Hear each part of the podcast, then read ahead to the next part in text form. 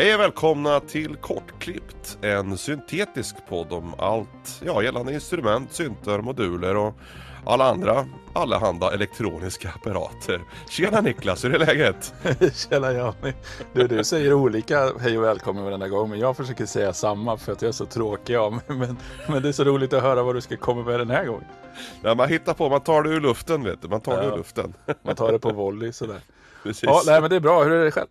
Jo det är fint, det är fint. Eh, vi börjar precis här nu i södra delen av Sverige få lite, lite värme tillbaka. Lite vårkänslor idag faktiskt, det var skönt. Ja, vad sol, och smäl sol och smältande snö liksom, det är det bästa jag vet. ja, det är fint. Vi har haft eh, regn och eh, regn och storm har vi haft. Så att, eh, det går hårt åt snön nu. Ja fy fan, nej, det är inget roligt. Det är inget roligt. Nej. nej, nej. Jag måste berätta, jag var faktiskt på en väldigt rolig liten tillställning här nu i helgen. Eh, våran eh, gode vän och eh, ja, vapendragare Martin Jarl hade ett fantastiskt gig eh, i Sankt Pauli kyrka i Malmö. Eh, var riktigt, riktigt roligt. Eh, alltså själva kyrkan måste jag berätta först. Jag vet inte om ni eh, folk känner till det, men det är faktiskt en rund kyrka är det. Så att den har liksom ingen, ingen, ingen front och ingen ände. Eh, så som en vanlig byggnad har. Så att den var väldigt spännande inredd. Eh, så med liksom eh, vad det nu heter, den här dopfundament och allt det här som eh, prästen står vid så att säga. Så sättet eh, stolarna var placerade. Det var väldigt, väldigt roligt att vara där inne och kika liksom på den här kyrkan. Jag har aldrig sett den som förut och jag frågade han prästen Anders som var eh, ja, präst i den kyrkan och tydligen så finns det runt 150 sådana kyrkor i Sverige med liknande arkitektur. Jag tycker ja. det var riktigt, riktigt spännande. hur, hur var akustiken där inne? För ofta så förknippar kyrkor med massor med reverb liksom. Ja, alltså det var det som var så himla bra. För att eh, eh Albin, han som arrangerar eventet. Eh, Albin Tunes va? Precis ja, han är kantor eh, där, spelar kyrkorgel och musik och piano och sånt där. Och han sa det att eh, den är inte alls lika svansig och reverbig som en vanlig kyrka är. Eh, så att den passar sig väldigt bra då för alltså mer förstärkt musik eh, utan att få den här jättekonstiga jobbiga studsgrejerna då eh, som mm. man kan få då i en vanlig kyrka, alltså typ en konventionell kyrka som vi alla är vana vid. Mm. Eh, och det var väldigt roligt att vara där inne, så, så, dum i huvudet som man är så går man och klappar händerna och testar liksom akustiken, du vet hur man är liksom. Ja. Albin som, eh, som eh, arrangerade eventet har berättat specifikt då att i den här kyrkan det enda frekvensområdet som var lite jobbigt det var typ höga frekvenser. Typ hi-hats och sånt där hade en tendens att studsa då i rummet mer än vanligt. Men eh, det var faktiskt ingenting som jag kände direkt var någonting jag reagerade starkt på eller tyck tyckte var jobbigt un under, under gigget då. Um, för att berätta lite mer då om, um, om själva spelningen då. Martin Jarl han hade plockat med sig ja, kanske mer maskiner än vad jag någonsin har sett live förut höll jag på att säga, men det var väldigt många burkar. Han hade en alltså. Digitone, han hade en Digitact, han hade en analog heat, eh, han hade, vad heter de, Ashun Hydrosynt, vad heter de, ASM? Heter de Just så? Det. Ashun ja. Synthesizer Machines, en Hydrosynt och traktorkontroller och en Microcosm pedal och det var, det var en riktigt trevlig setup. Han, han körde en eh, helt fantastisk livespelning måste jag säga. Eh, typ, verkligen så här undervattensdubb. Den hade medvetet liksom eh, placerat kicken långt bak i mixen liksom, så att det kändes, även om man liksom lyssnade på ganska upptempo grejer så var det väldigt meditat meditativt och extremt underhållande och skönt att, att lyssna på. Vad kul! Eh, och sen som grädde på moset så en kille som heter Christian från Lund. Han eh, hade ljusat kyrkan med analog eh, utrustning. Det vill säga sådana här gamla Gobo som ni vet vad det är. Det vill säga det är som mm. en skiva som snurrar med någon vätskeansamling om jag inte minns alldeles fel som projiceras då eller egentligen, ja projiceras gör det väl inte. Jag vet inte, säger man så när man pratar ja, om analog? Ja det tror jag. Man ja, det tror jag man kan det, säga. Ja, det är ju en sorts ja. projektion. Precis, han hade liksom lyst upp valven och liksom väggarna och sånt där med, med flertalet sådana där analoga projektionsapparater. Det var riktigt, riktigt häftigt alltså. Eh, så det var ju, det, gav ju verkligen en sån här brutalt fin helhetsupplevelse. Eh, och då kanske många undrar, men vad gjorde jag där då? Jag var inte bara där och tittade, utan Martin hade ju snackat med mig innan typ att men jag ska spela här och då i den här kyrkan, jag skulle vilja eh, få ner allting på video. Så han frågade mig om lite tips och tricks och så bara, men istället för att jag ger honom tips och tricks så kan jag väl släppa med mina kameror och spela in allt. Mm. Tänkte jag. Eh, så vi fick då eh, ner allting på två kanal eh, på min Zoom H5 och så hade jag med mig tre stycken kameror. Det var extremt mörkt där inne på grund av ljussättningen så all eh, alltså normal belysning var ju släckt under sättet. Eh, så mycket av det materialet som jag har fångat då är ju väldigt konigt kan man säga. Och med ganska mm. dålig kontrast. Men jag tror man får en ganska bra känsla eh, av sättet ändå. Och Martina gjorde ju ett grymt jobb, alltså typ 50 minuter. Eh, det bara det, gick, det kändes som det tog en kvart bara så var det slut. Det var helt fantastiskt fantastiskt snyggt producerat. Fan vad kul. Ja, jag hade jättegärna velat sett det. Martin är så jävla duktig, men det är bara det att det är så långt. ja, det är en bit för dig att åka, men eh, jag sitter, jag har precis lagt allt material på klippbordet nu. Eh, I DaVinci. Eh, jag börjar lägga upp ett projekt.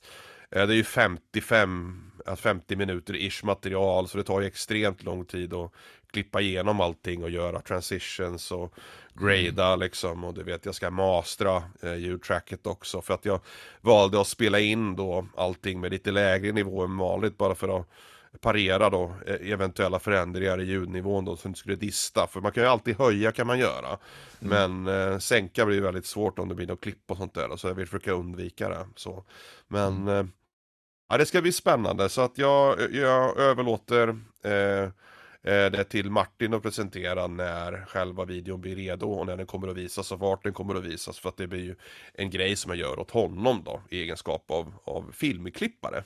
Ja, visst. Nej men det ska det bli riktigt... jättekul. Ja, det var riktigt roligt. Det var kul venue, fantast... Albin verkar en helt fantastisk person. Anders, pastorn, också en helt ljuvlig kille.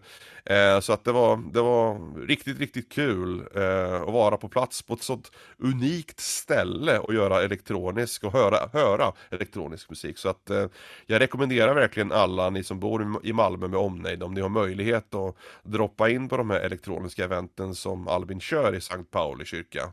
Gör mm. det, det är värt varenda minut alltså. Helt fantastiskt, helt fantastiskt. Jättekul.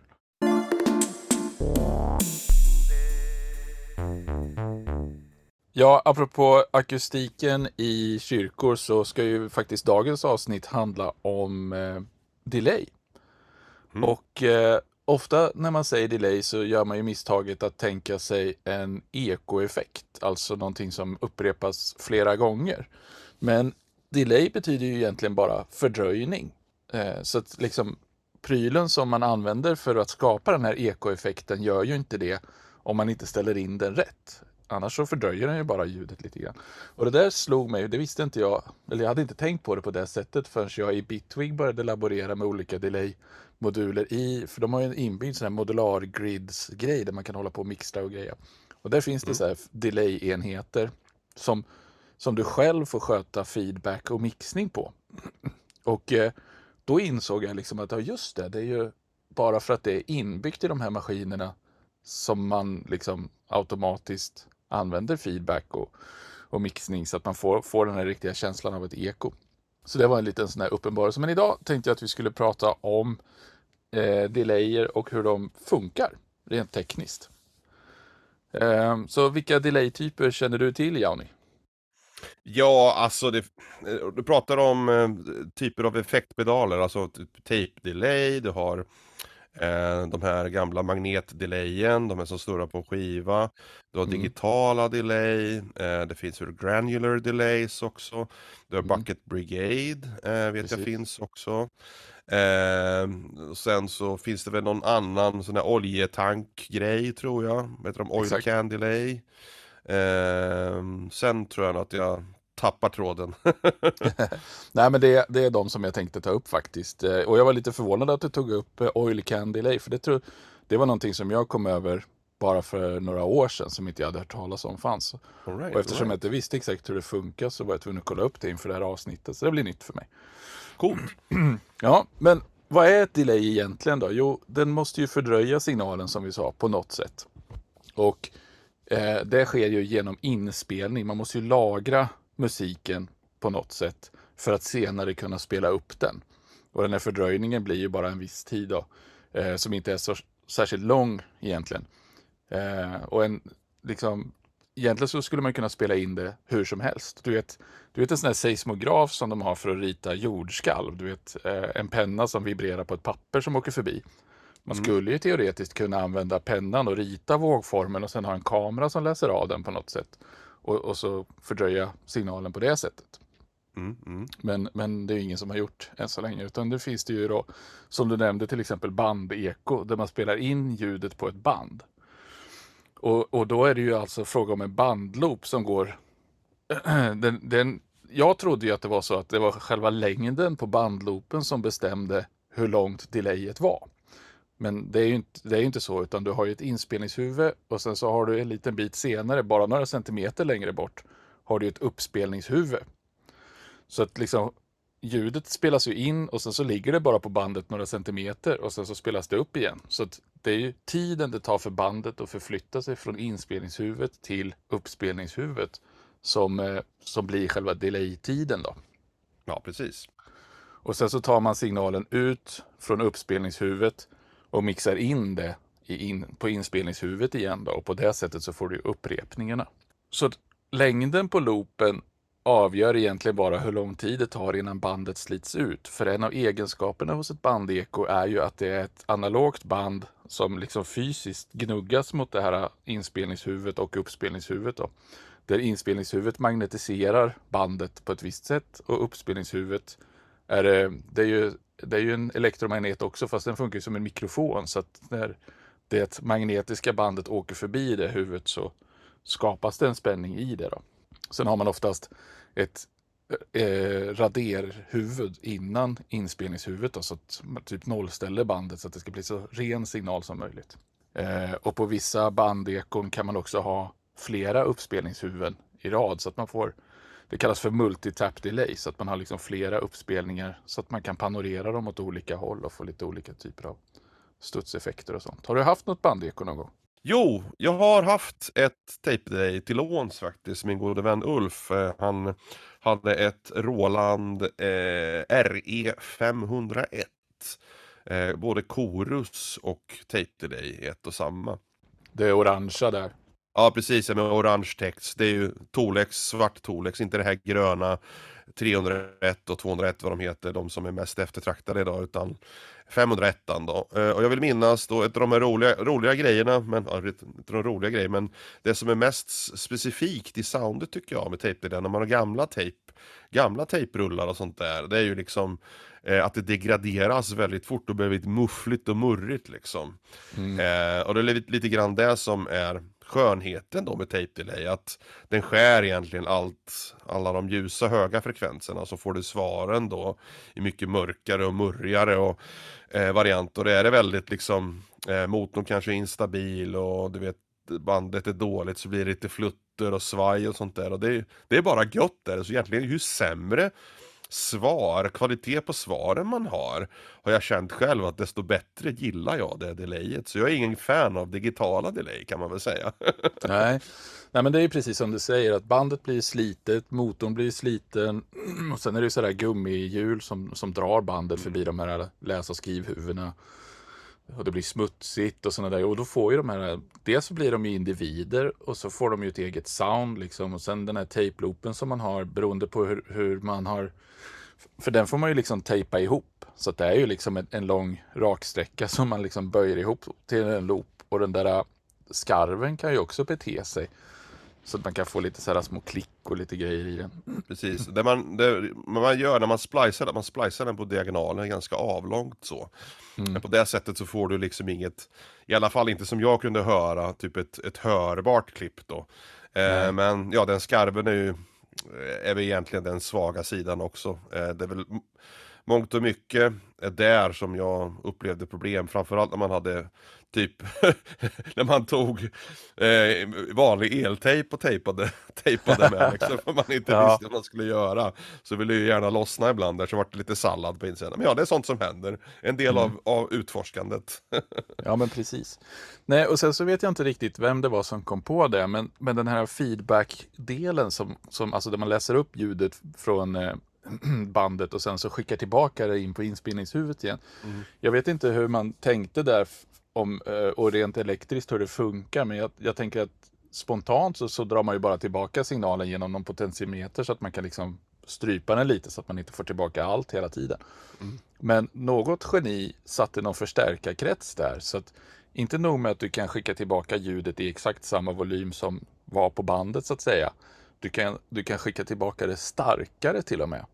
Och, Det är på det sättet du kan få de här självsvängningarna eller ett, eller ett skenande delay så att det liksom bara förstärks och bara blir en, en, en jobbig, nästan åsk, åskmuller av alltihopa. Liksom. Inte jobbigt, det låter alldeles underbart Niklas. ja, jo, ja, inte jobbigt. Nej, men, men, men jag blir alltid lite nervös när det börjar skena sådär. Jag hatar okontrollerad rundgång och sådana grejer som man inte har koll på. Men när det är analogt vet du, så blir det aldrig så där jobbigt och skrikigt och knastrigt och trasigt liksom. Utan det finns alltid en skön harmonisk känsla i analog distorsion tycker jag. Så att, eh, mera feedback. mera feedback till folket, ja men så är det. Mm. Um, sen var jag lite som sagt eh, imponerad av att du eh, kände till Oil Can Delay, eller alltså olj, oljeburksdelay. Egentligen så, så är inte det så konstigt, utan eh, man har ju egentligen en, en yta som man spelar in magnetiskt på. Och sen så spelar man upp på, från samma yta en liten stund senare. Det är bara det att det ser ut som en liten skiva som ligger inuti en, en burk. Då. Men grejen med oljan är att den isolerar så att när man har spelat in på den här skivan så, så försvinner inte det iväg i luften så att säga utan oljan ligger där och håller kvar magnetismen i den där. Då. Så att man får lite bättre fidelitet eller vad ska man säga, trohet. Alltså det, det blir bättre kvalitet helt enkelt. Mm, mm. Nu har inte jag hört några inspelningar med Oil Candy Lace. Jag vet att det fanns någon gitarrpedal när jag sökte på det här som emulerade det där på något mm, sätt. Catalin Brenn har gjort den vet jag. Eh, jag kommer inte ihåg vad den heter eh, rakt upp och ner. Men det skulle vi kunna googla tror jag och lägga in i show notes. Har du eh, använt någon sådana eller lyssnat på sådana så du vet specifikt hur de låter så att säga? Nej, alltså det är Catalin Bread. Jag är ett stort fan av deras pedaler. Jag gillar deras filosofi och du vet hur de, hur de bygger sina, sina burkar. Eh, jag har ju hört eh, exempel, videoexempel på hur just den här pedalen låter.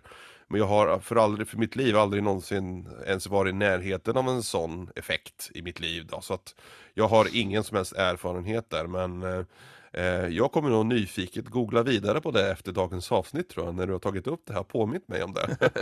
ja, jag, jag, är lite nyfiken också. Jag, jag, jag har ju haft eh någon Strymon delay-pedal som inte jag kommer ihåg vilken det var längre och vad den hette. Men det måste ju ha funnits en oil can-algoritm i den som jag missade eftersom jag aldrig orkade scrolla igenom alla presets. Men jag kan inte påminna mig att jag liksom vet med mig hur det låter. Jag vet ju hur ett bandeko låter. Jag vet hur ett BBD-delay låter. Men inte, inte så här oil can. Det har jag ingen känsla för liksom. Men det där är ju gamla mekaniska delayer eh, där man har ett fysiskt medium som man spelar in ljudet på. Och eh, antar att man valde band och, och de här magnetiska grejerna i, i oil can delayet bara för att de är inne och uppspelningsbara så många gånger. Liksom. Mm. Du skulle ju teoretiskt kunna fräsa en vinyl men, men då får du ju liksom byta, vända sida mitt till låtar och krångla och grejer. Precis, det blir bökigt. Men jag har ju faktiskt gjort en, ett ljudexempel på ett tape-delay. Ja. Eh, om du vill att vi ska ta och lyssna på det kanske? Precis, vi kan passa på att köra det. Ja, men eh, själva tanken med det här, jag använder alltså, i och med att vi pratar om Strymon så använder jag Strymons El Capistan som är en replika på, eller försöker emulera och då ett tape delay. Och tanken med den här ljudsnutten är att jag ska försöka påvisa lite grann hur man kreativt kan använda framförallt ett tape delay för att göra en monofonisk synt ja, får den att kännas lite mer som en polyfonisk maskin. Eh, så det ni hör nu det är ett sololjud eh, i MS-20. Och sen så spelar jag typ nästan exakt samma sak eh, fast med ett eh, tape delay på. Med extremt mycket Eh, det finns ju två inställningar, den heter The Wow, Flutter och Tape Age. Och den emulerar hur gammalt bandet är och hur liksom dåliga motorerna är så att det vibrerar och ja, det blir lite som en koruseffekt på, på det hela då. Men vi Mm. tar en, en lyssning på det. Ja,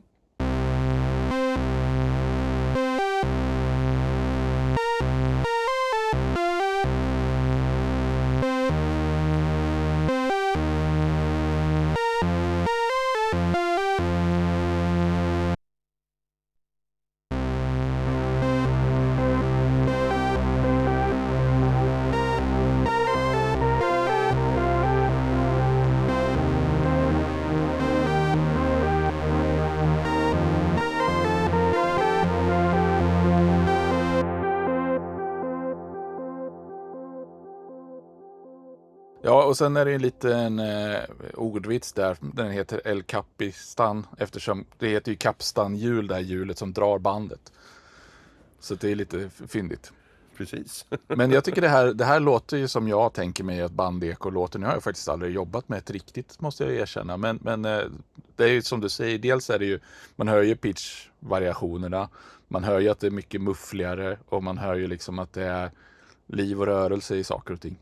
Precis. Och fördelen med just tape, eh, tape-style-ekon när man ska göra sådana här monofoniska till polofoniska att den skapar den här vibratot och den här alltså värmen och lite överstyrningen i signalen som gör att att, eh, synt, att det, det maskar över på ett väldigt naturligt sätt.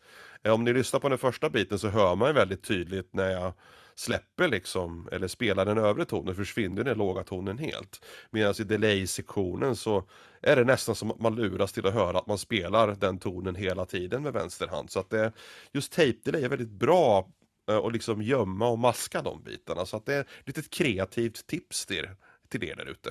Ja, och bandekorna har ju den eh, fördelen också att de kan göra ganska långa delay-tider med hyfsat bibehållen kvalitet.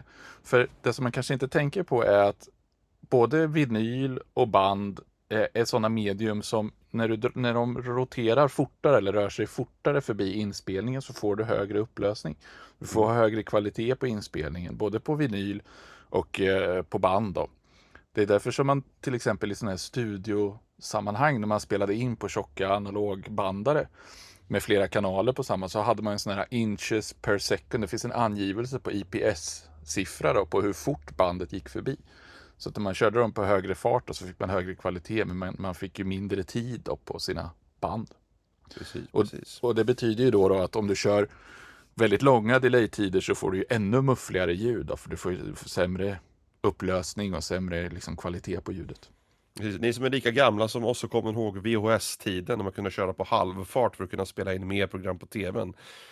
Precis samma känsla där, kvalitetsförsämring fick man.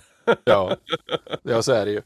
Ehm, och just det, och en annan egenskap hos bandekon är ju att när du ändrar hastigheten eller delay-tiden då, så ändrar du ju faktiskt den fysiska hastigheten på bandet och därför det pitchar upp och ner då. Ja, men det var i alla fall bandekon. Nu ska vi faktiskt göra ett litet hopp och så ska vi hoppa direkt till digitala delay för det kommer hjälpa mig att förklara eh, BBD-delay sen. All right. Så eh, digitala delay dök upp på 70-talet när digital teknik började bli eh, tillgänglig.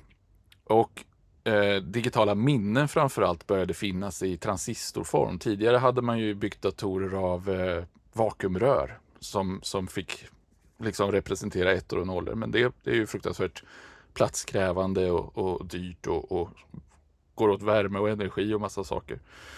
Så eh, transistorgrejer och integrerade kretsar, så här, små chip började komma och man eh, började jobba med digital eh, alltså signalhantering helt enkelt. Så då satte man en liten DA-omvandlare, eller AD-omvandlare blir det väl då, då, som läser av den analoga signalen och förvandlar det till ettor och nollor.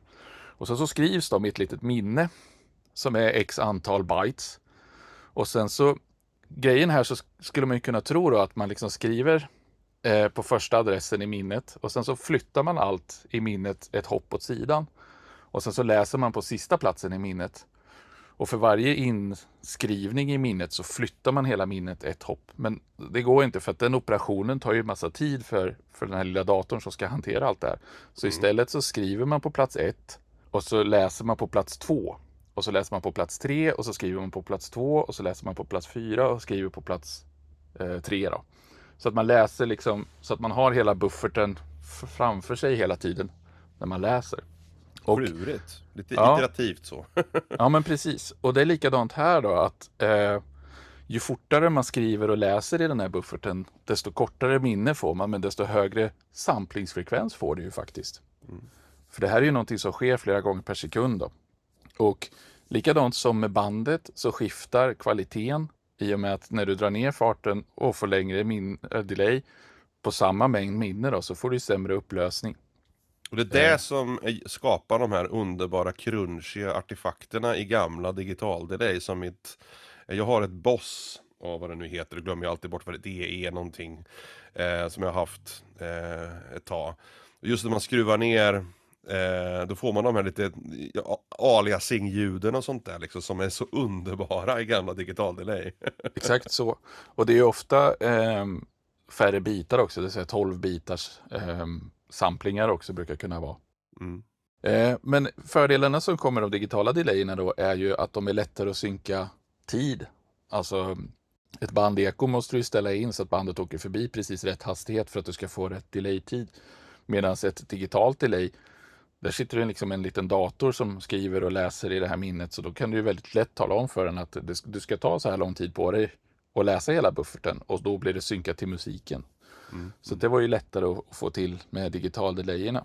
En annan funktion som man kunde göra med digitala delayer som man inte kan göra med eh, bandekon är en sån här frysfunktion. Man stänger helt enkelt av skrivningen och så fortsätter man bara läsa runt, runt, runt, runt i bufferten och så bara hänger, hänger liksom ekot kvar hur länge som helst. Och sen kan man eh, ha en sån här baklängesfunktion, det vill säga att man, man skriver åt ena hållet men man läser åt andra hållet. Och så får man ju så baklänges studsar, konstiga knasekon. Underbart. Undrar om det är som min Red Panda Particle håller på med. För att den har ju sån här reverse, det är ju digitalt dig. Den har ju såna här reverse-funktioner. Mm. Eh, när man spelar någonting och sen så stundtals så spelar den upp saker i reverse fast i, vissa saker kör den i, den liksom Ja, den, den alternerar mellan framåt och bakåt. Eh, det är lite roligt, fan vad coolt. ja, hade inte du ett exempel på det också? Jo, det har jag ju! Vad roligt att du säger det. Just det, jag mm. spelar ju eh, nu ska vi se, det är en korg Grand 73 eh, piano som jag har som kör en Rhodes Mark 1 emulation. Och den första biten så kör jag bara vanliga enkla ackord.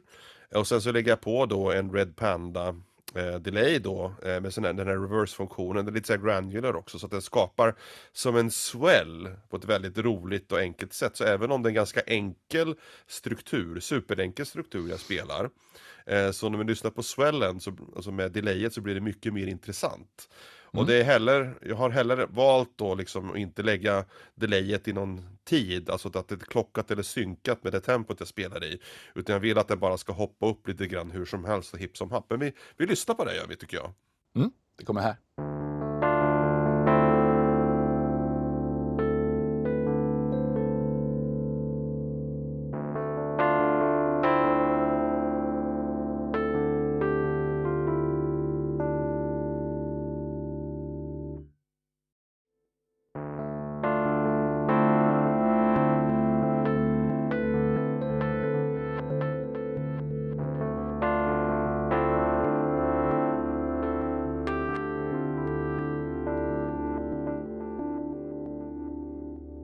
Men Red Panda är alltså en liten pedal då? För jag har lite dålig koll på de där. Stämmer, Red Panda Particle heter den och den har ju massvis med olika algoritmer. Eh, det här är en av mina favoritalgoritmer, den har så lite som en buffert också. Eh, som du pratade om, man kan få den att spela om och om igen. Om man skruvar upp eh, feedbacken till en viss nivå. Så det den gör istället för att, du vet, en evighetsfeedback som du får upp en tape loop som förstärks. Så mm. bara spelar den eh, bufferten om och om, om igen. Eh, mm. Så att den har väldigt små lustiga quirks på det sättet. Så det är väldigt musikalisk tycker jag. Och den här typen av delay eh, funkar exceptionellt bra på pianon, gitarrer och röster och sånt där. Mindre intressant på syntljud, alltså rena synt, av någon anledning. Jag vet inte, jag känner det, jag, jag tycker inte att det låter lika kul på ett vanlig, en vanlig sågtand som det gör på ett piano. Men ja, ja eh, men det, ja, i alla fall, nu får ni höra hur det låter på pianot. Det är väldigt kul att spela med också.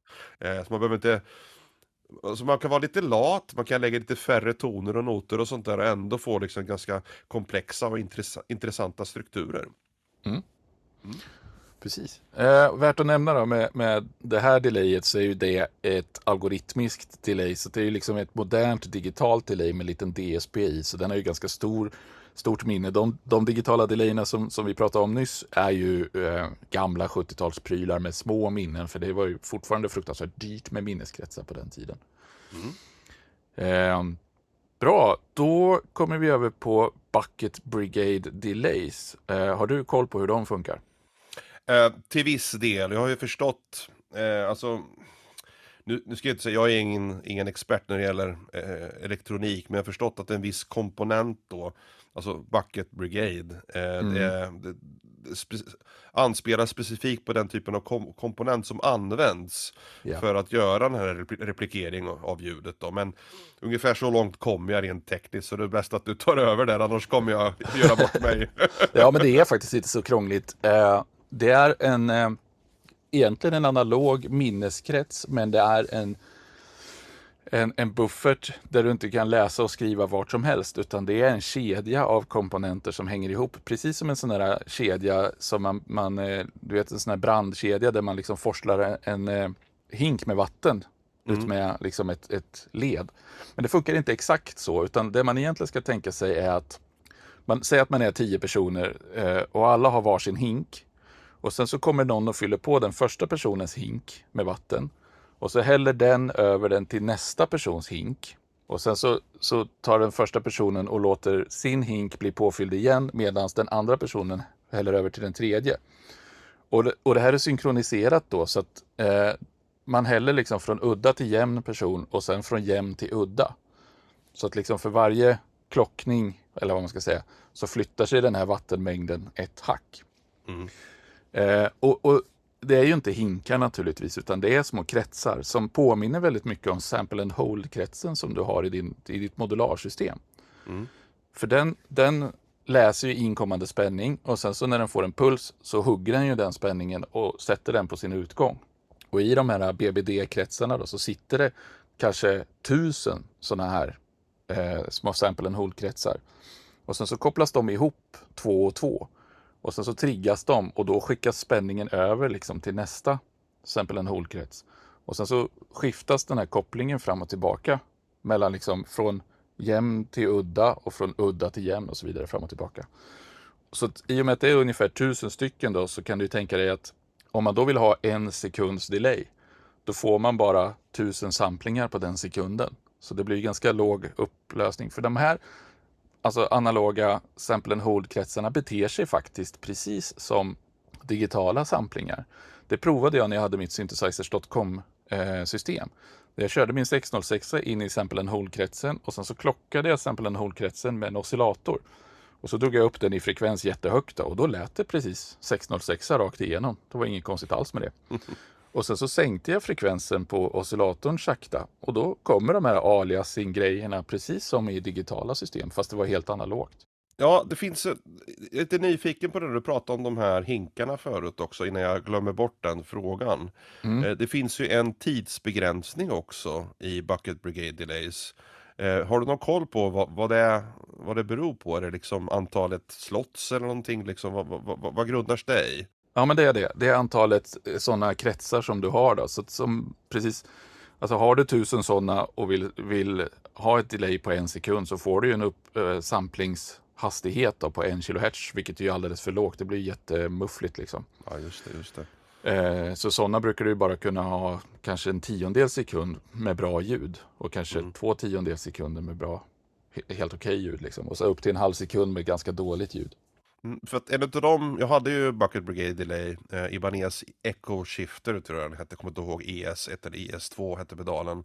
Ah. Och den hade ju om möjligt ännu mera crunchigare och mysigare liksom, alltså förlust då i, i svarssignalen när man sänkte hastigheten. Mm. Eh, och det var ju snudd på att det liksom var nästan ohörbart vad svaret var för någonting när man drog ner det för långt. Ja. Och de hade löst det på något sätt genom att ha dubbelt så många kretsar jämte mot en vanlig bucket, break, bucket eh, BBD eh, typ pedal då som man kunde ha nästan upp till två sekunders eh, delay-svar mm. vilket var väldigt unikt då i BBD-världen. Men då fick ja. man de här knasiga feedback crunch-grejerna som man blir alldeles varm inombords. jag ser du sitter och myser. Nej ja. men precis och eh, jag tror att man kan seriekoppla de här kretsarna också men de, de, var nog ganska dyra. Det är ju rätt så mycket komponenter i dem då så att säga. Mm. Eh, och jag har för mig att jag hade ju den här Moog-pedalen, eh, Mooger Foger 104, var det den som var delay? Jag kommer inte ihåg. Nej, jag minns inte heller.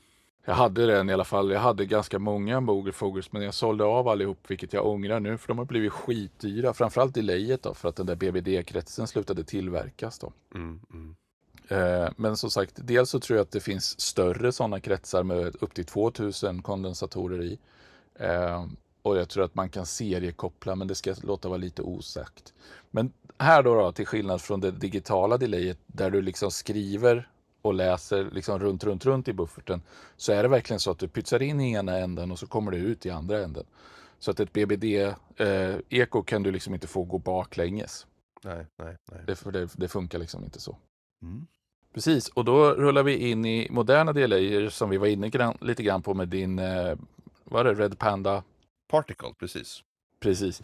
Eh, då har vi ju alltså en, en digital signalprocessor Eh, alltså en, en, en dator helt enkelt. Och så, så samplar den in en massa saker i sitt minne och så hanterar den det lite grann som den vill då.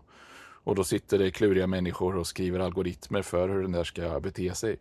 Bland annat gör de eh, algoritmer för att den ska låta som ett bandeko, al algoritmer för att den ska låta som ett BBD eller helt rena digitala delayer.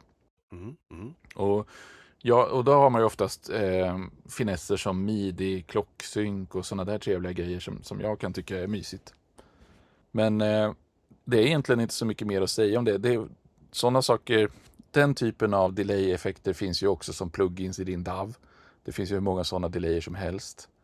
Eh, och där kan man också ibland i vissa plugga in liksom effekter i feedbackkedjan. Vilket jag tycker kan vara ganska fränt ibland. Ja, precis. Ja, Strymon eh, är ju exceptionellt bra på att hitta eh, alltså, sätt att manipulera feedback-signalen på. Jag har ju den här timeline som mm. jag tror det var den som du ägde förut också. Eh, eh, jag spelade faktiskt in, in en snutt där också. Det finns en algoritm som heter ICE. Eh, och många av oss gillar ju har, antingen så älskar man eller så hatar man shimmer, den typen av reverb. Men just Strymon Timeline-pedalen har ju då en, en shimmer-variant där man pitch-skiftar svaret på lite olika sätt. Man kan lägga in en femma, en sjua eller en oktav. Eh, och eh, den skapar en helt annan typ av känsla då än ett vanligt shimmer-reverb. För shimmer-reverb låter väldigt, vad är, vad är han heter nu igen, eh, de här Valhalla. Precis, ja. ja. vi sa det samtidigt. Valhalla, ja. det låter typ, lägger man Valhalla på någonting så låter det alltid Valhalla liksom. Ja. Men det här Strymon Ice eh, algoritmen som finns i timeline-pedalen är väldigt unik och speciell. Och jag gillar den väldigt mycket och använda den på monofoniska sololjud. Så därför valde jag att plocka liksom en, en ja, ett klassiskt burg eh, solo-sound eh, från Sub 37an Först kör jag en liten, en liten trudelutt då utan delay och så kör jag en trudelutt till då med Strymon eh, Timeline Ice-algoritmen. Och jag tror det är en femma som jag har lagt på eh, det här feedback-svaret då. Så att vi, vi lyssnar på den. Mm.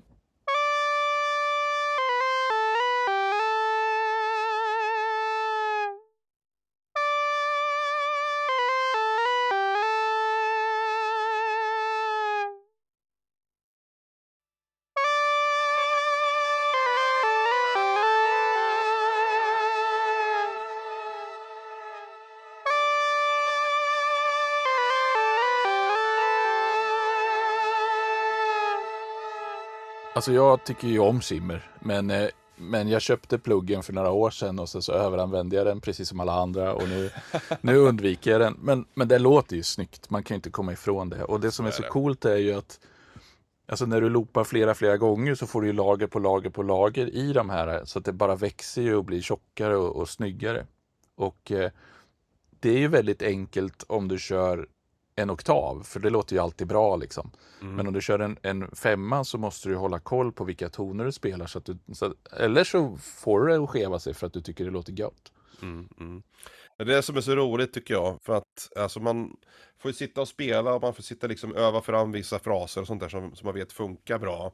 Men just den här blomman, jag gillar det uttrycket, den här blomman som skapas liksom i svaret, det är det som Strymon gör väldigt bra. Och framförallt att man även om man vill då kan modulera den lite grann liksom, så blir den ännu mer svängigare och skönare. Så att, men ja, eh, jag gillar sättet att använda just den här femman på.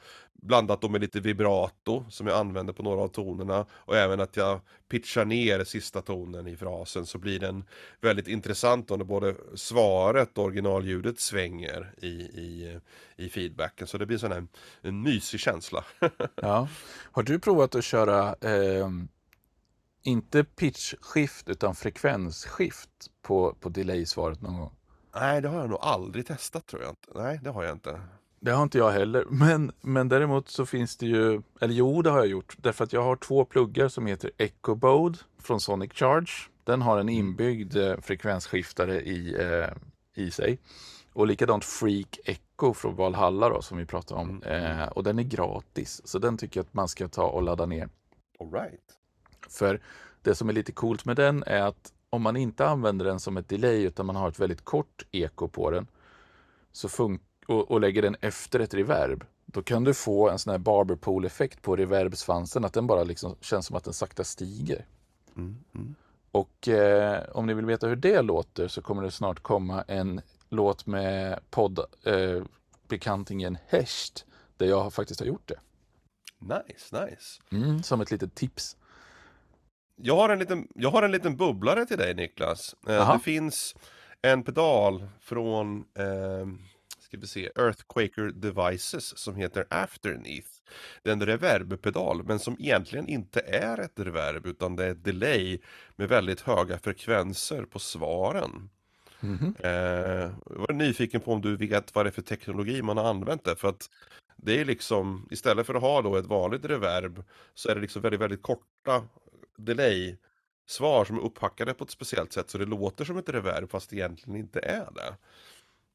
Okej, eh, jag hade tänkt att vi skulle ha en genomgång på olika reverb också, precis som vi haft en delay special idag. Och jag råkar mm. veta att man vissa reverb-algoritmer går ut på att du egentligen har jättemånga korta delayer.